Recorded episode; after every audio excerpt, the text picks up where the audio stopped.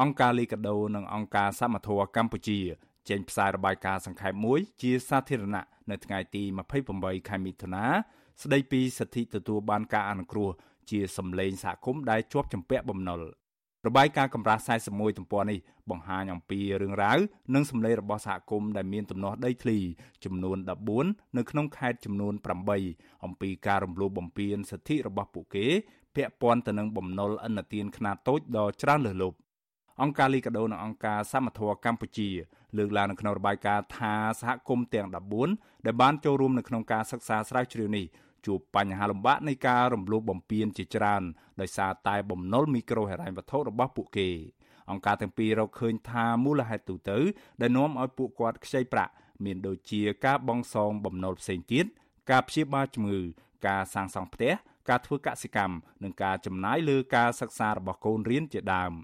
ផលវិបាកនៃកម្ចីអន្តទានខ្នាតតូចនេះធ្វើឲ្យពួកគាត់ត្រូវបង្ខំចិត្តខ្ចីប្រាក់ពីអ្នកចងការឯកជន កាត់បន្ថយអាហារបរិភោគលក់ទ្រព្យសម្បត្តិលក់ដីធ្លី ពលកម្មកុមារកុមារបោះបង់ចោលការសិក្សា ភាពតានតឹងនៅក្នុងគ្រួសារបញ្ហាដំណេកនិងការធ្វើចំណាកស្រុកដោយសារបញ្ហាបំណុលជាដើមអង្គការទាំងពីរបន្តថាមន្ត្រីអន្តទានដែលប្រតិបត្តិការនៅក្នុងសហគមន៍ទាំងនេះ បានពាក់ព័ន្ធទៅនឹងការប្រមូលអន្តទាននិងការផ្ដល់អន្តទានបែបកេងចំណេញការដាក់សម្ពាធឲ្យលក់ដីធ្លីការគំរាមកំហែងឲ្យអ្នកខ្ចីដែលយឺតយ៉ាវនៅក្នុងការបង់សងក៏ដូចជាការជំរុញឲ្យខ្ចីប្រាក់ពីអ្នកចងការឯកជនជាដើមលើសពីនេះទៀតអាជ្ញាធរមូលដ្ឋានមួយចំនួន មានដូចជាមេភូមិមេឃុំតែងតែទទួលយកប្រាក់ពីមន្ត្រីអន្តទានជាថ្នូវនឹងការទៅបង្ខិតបង្ខំឲ្យកូនបំណុលត្រូវសងប្រាក់កម្ចីឲ្យបានទាន់ពេលវេលាកំណត់ អង្គការទាំងពីរអះអាងថានៅក្នុងចំណោមសហគមន៍ទាំង14នេះមានសហគមន៍ខ្លះគឺប្រជាពលរដ្ឋគ្រប់ខ្នងផ្ទះតែម្ដង ដែលជាប់ជំពាក់បំណុលហើយសហគមន៍ខ្លះទៀតមានចំនួនគ្រួសារដែលជាប់ជំពាក់បំណុលប្រមាណពី80ទៅ90%ហើយមានទំហំកម្ចីជាមធ្យមចាប់ពី1000ដុល្លារទៅដល់10000ដុល្លារគ្រឹះស្ថានមីក្រូហិរញ្ញវត្ថុនិងធនាគារដែលផ្ដល់ប្រាក់កម្ចីនៅក្នុងសហគមន៍ទាំងនោះរួមមានធនាគារ Acilida, AMK, អមរិត ហត្ថាប្រសាក់និងគ្រឹះស្ថានមីក្រូហិរញ្ញវត្ថុជាច្រើនទៀតការសិក្សាស្រាវជ្រាវនេះក៏បង្ហាញថាជំរើសដែលផ្ដល់ដោយធនាគារនិងគ្រឹះស្ថានមីក្រូហិរញ្ញវត្ថុសម្រាប់ការរៀបចំអនុទានឡើងវិញឬការពន្យាពេលបង់សងកម្ចីអនុទានខ្នាតតូចនៅក្នុងពេលមានវិបត្តិជំងឺ Covid-19 នៅមិនទាន់គ្រប់គ្រាន់និងមិនទាន់អាចបញ្ឈប់ការលក់ដីធ្លីដោយបង្ខំឬការរំលោភបំពានផ្សេងៗនៅក្នុងអំឡុងពេលមានការរីករាលដាលជាសកលនៃជំងឺនេះនៅឡើយទេខណៈដែលប្រាក់ចំណូលរបស់ប្រជាពលរដ្ឋកម្ពុជាជាច្រើន បានធ្លាក់ចុះនិងប៉ះពាល់លទ្ធភាពរបស់ពួកគាត់នៅក្នុងការបង់សងកម្ចីតំណាងសហគមន៍ជោគជ័យស្ថិតនៅក្នុងស្រុកឆែបខេត្តព្រះវិហារលោកជុំសុភឿនថ្លែងថាសហគមន៍របស់លោកមានប្រជាពលរដ្ឋជាង150គ្រួសារ ហើយចំនួនគ្រួសារដែលជាប់ជំពាក់បំណុលស្ទើរតែ100%និងមានទំហំខ្ចីជាមធ្យមប្រមាណ5000ដុល្លារលោកនិងអ្នកភូមិកំពុងព្រួយបារម្ភដូចដូចគ្នា អំពីរឿងកង្វះការហូបចុកគ្មានប្រាក់ឲ្យកូនទៅរៀនគ្មានលទ្ធភាពបង់សងបំណុលខណៈប្រាក់ចំណូលរបស់អ្នកភូមិដែលពឹងផ្អែកទៅលើការធ្វើស្រែចម្ការ ការធ្វើកម្មករស៊ីឈ្នួលរោគអនុផលព្រៃឈើនិងការចំណាក់ស្រុក បានធ្លាក់ចុះទាំងស្រុងដោយសារតែគ្រោះធម្មជាតិនិងវិបត្តិជំងឺ Covid-19 តំណាងសហគមន៍ជោគជ័យរូបនេះអំពាវនាវឲ្យរដ្ឋាភិបាលរួមទាំងគ្រឹះស្ថានមីក្រូហិរញ្ញវត្ថុនិងធនាគារផ្ដល់ការអនុគ្រោះដល់ពួកគាត់ក្នុងការផ្អាកបង់សងប្រាក់រយៈពេលសមរម្យណាមួយបាទភ័យព្រួយណាស់គូភ័យព្រួយបរំចង់ថាដេកមិនលក់ផងទេហើយប្លង់ដីនៅក្នុងធនាគារអស់ហើយដីដេករកលុយម៉ានសងសម្ដេច បងប្អូនប្រជាពលរដ្ឋខ្វះខាតប្រទេសបានមកដោះស្រាយជីវភាពហូបខ្វះទឹកខ្វះល្ងាចអញ្ចឹងទៅវាកាន់តែព្រួយបារម្ភហើយអង្គការលីកាដូនិងអង្គការសមត្ថៈកម្ពុជាពិនិត្យឃើញថាប្រជាពលរដ្ឋកម្ពុជាជាប់ជំពាក់បំណុលខ្នាតតូចជាង11.8ពាន់លានដុល្លារពីគ្រឹះស្ថានមីក្រូហិរញ្ញវត្ថុនិងធនាគារ គិតជាមធ្យមកម្ចីខ្នាតតូចនៅកម្ពុជា មានប្រមាណជាង4000ដុល្លារដែលជាចំនួនខ្ពស់ជាងគេនៅលើពិភពលោកខណៈប្រជាពលរដ្ឋកម្ពុជាចំនួន95%មានប្រាក់ចំណូលតិចជាងកម្ចីគិតជាមធ្យមនេះទៅទៀតនៅក្នុងឆ្នាំ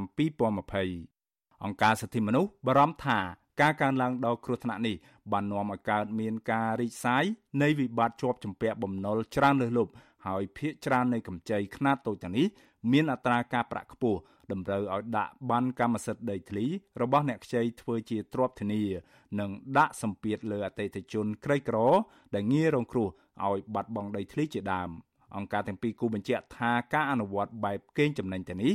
បាននាំឲ្យមានផលចំណេញច្រើនលើសលប់សម្រាប់គ្រឹះស្ថានមីក្រូហិរញ្ញវត្ថុ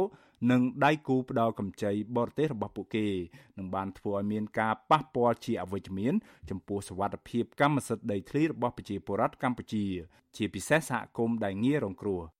អង្គការសិទ្ធិមនុស្សទាំងពីររួមទាំងសហគមន៍ដែលជាប់ជំពាក់បំណុលទាំង14ស្នើសុំដល់រដ្ឋាភិបាល អ្នកផ្ដល់កម្ចីខ្នាតតូចទាំងគ្រឹះស្ថានមីក្រូហិរញ្ញវត្ថុនិងធនាគារនិងអ្នកវិនិយោគទុនអន្តរជាតិ ដែលរួមមានធនាគារអភិវឌ្ឍរបស់ពលរដ្ឋនៅសហភាពអឺរ៉ុបនិងសហរដ្ឋអាមេរិកធ្វើការស៊ើបអង្កេតដោយឯករាជ្យទៅលើទំហំនៃការរំលោភសិទ្ធិមនុស្សនិងផ្ដល់ការអនុគ្រោះចំពោះអ្នកខ្ចីប្រាក់ដែលបានរងគ្រោះដោយការផ្ដល់កម្ចីនិងប្រមូលអន្តទានបែបកេងចំណេញពួកគាត់ក៏ទាមទារឲ្យប្រគល់ជូនម្ចាស់ទ្រព្យវិញនៅបានកម្មសិទ្ធិដីធ្លីពាក់ព័ន្ធទៅនឹងកម្ចីខ្នាតតូចដែលបច្ចុប្បន្នត្រូវបានដាក់ទ្រព្យធានា និងអនុវត្តច្បាប់ឲ្យមានប្រសិទ្ធភាព ដើម្បីបញ្ឈប់ការលក់ដីធ្លីឬផ្ទះសម្បែងដោយបង្ខំទប់ស្កាត់ការដាក់សម្ពាធខុសច្បាប់ពីមន្ត្រីអន្តទាននិងអាជ្ញាធរមូលដ្ឋាន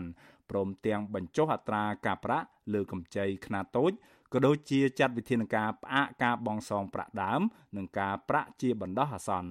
ជុំវិញករណីនេះប្រធានសមាគមធនាគារនៅកម្ពុជា និងជាប្រធាននាយកប្រតិបត្តិនៃធនាគារ AC Lida លោកអិនចានី ថ្លែងថាលោកមិនទាន់មើលរបាយការណ៍ស្រាវជ្រាវរបស់អង្គការលីកាដូនិងអង្គការសមត្ថៈកម្ពុជានៅឡើយទេ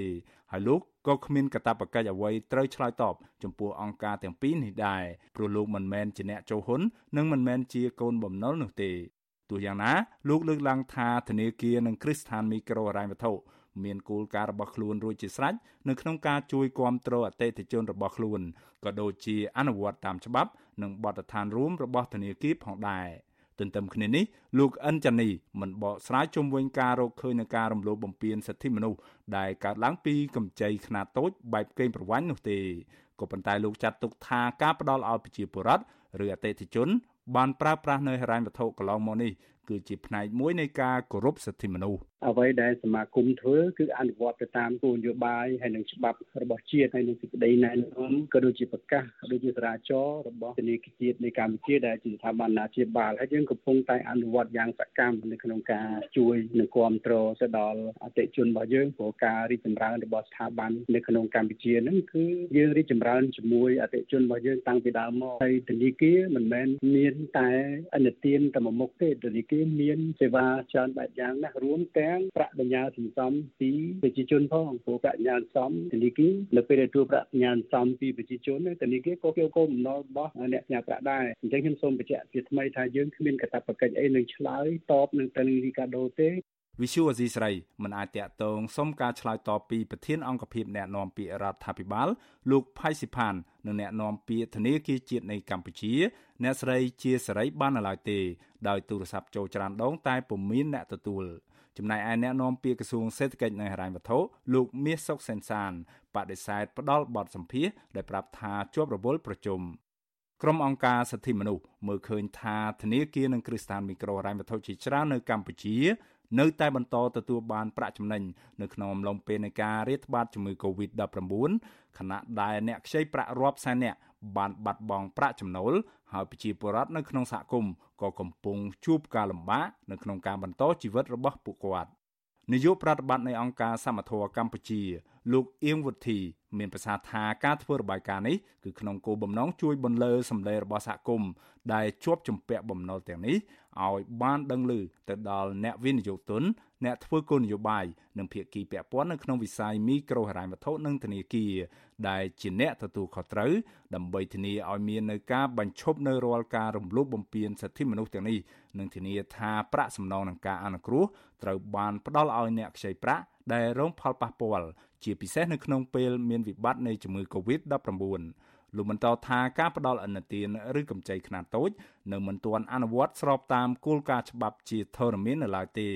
ដែលធ្វើឲ្យប្រជាពលរដ្ឋទទួលរងនៅសម្ពាធជាច្រើននិងមានហានិភ័យចំពោះសវត្ថិភាពកម្មសិទ្ធិដីធ្លីរបស់ពួកគាត់នៅពេលដែលពួកគាត់គ្មានលទ្ធភាពបង់សងបំណុលជាពលរដ្ឋគាត់កំពុងតែប្រឈមហ្នឹងគឺគាត់អត់មានប្រាក់ចំណូលទាល់តែសោះហើយការរៀបចំអនុទានឡើងវិញហ្នឹងគឺផ្ដល់ឱកាសឲ្យពួកគាត់សងជាការប្រាក់មិនសងនៅប្រាក់ដើមទេអញ្ចឹងប្រជាពលរដ្ឋគាត់លើកឡើងថាការធ្វើបែបនេះអត់មានផលចំណេញដល់ពួកគាត់ទេខាងមីក្រូទេដែលចំណេញដោយសារការជំពាក់របស់គាត់អត់មានថយចុះទេមានតែកើនឡើងដោយសារដើមគឺនៅតែដដែលការប្រាក់គឺនៅតែបង់អញ្ចឹងការដែលគាត់ត្រូវចំណាយកាន់តែច្រើនជាងមុនបានន័យថារយៈពេលកាន់តែយូរជាងមុនដោយសារកត្តានេះប្រជាពលរដ្ឋគាត់សុំឲ្យមានការផ្អាកក្នុងរយៈពេលណាមួយជួយសម្រួលដល់ពួកគាត់ណាយើងសង្ឃឹមថាមីក្រូហិរញ្ញវត្ថុក៏ដូចជារដ្ឋាភិបាលនឹងពិនិត្យមើលថាតើមានលទ្ធភាពបែបណាដើម្បីជួយសម្រួលដល់ពួកគាត់ចាប់តាំងពីឆ្នាំ2019មក អង្គការលីកាដូនិងអង្គការសិទ្ធិមនុស្សដៃគូមួយចំនួនបានចេញផ្សាយនូវរបាយការណ៍ជាសាធារណៈចំនួន3មកហើយដើម្បីបង្ហាញអំពីការរំលោភបំពានសិទ្ធិមនុស្សនៅក្នុងវិស័យមីក្រូហិរញ្ញវត្ថុនិងអំពាវនាវឲ្យរដ្ឋាភិបាលចាត់វិធានការដោះស្រាយទុកលំបាករបស់ប្រជាពលរដ្ឋទាំងនោះទោះជាយ៉ាងណារដ្ឋាភិបាលលោកនាយរដ្ឋមន្ត្រីហ៊ុនសែននិងស្ថាប័នផ្ដល់ប្រាក់កម្ចីនៅមិនទាន់មានដំណោះស្រាយជាដុំកំភួនណាមួយដើម្បីជួយប្រជាពលរដ្ឋ ដល់អ្នកជំពាក់បំណុលដែលកំពុងស្រែកដង្ហើយសុំការជួយសង្គ្រោះទាំងនោះនៅឡើយទេអង្គការលីកាដូនិងអង្គការសមត្ថៈសង្កត់ធ្ងន់ថាប្រជាពលរដ្ឋកម្ពុជាដែលជាអ្នកខ្ចីប្រាក់គួរតែមានសិទ្ធិនៅក្នុងការទទួលបាននឹងការអនុគ្រោះបើពុំនោះសោះទេ បញ្ហាបំណុលនេះនឹងនាំឲ្យប្រជាពលរដ្ឋកម្ពុជាជាច្រើនអ្នកបន្តប្រឈមនឹងភាពអត់ឃ្លាន ពលកម្មកុមារបញ្ហាចំណាក់ស្រុកការលក់ដីធ្លីដោយបង្ខំនិងការរំលោភបំពានសិទ្ធិមនុស្សជាច្រើនទៀត ខ្ញុំបាទមេរិត Visual C ស្រីរាយការណ៍ពីរដ្ឋធានី Washington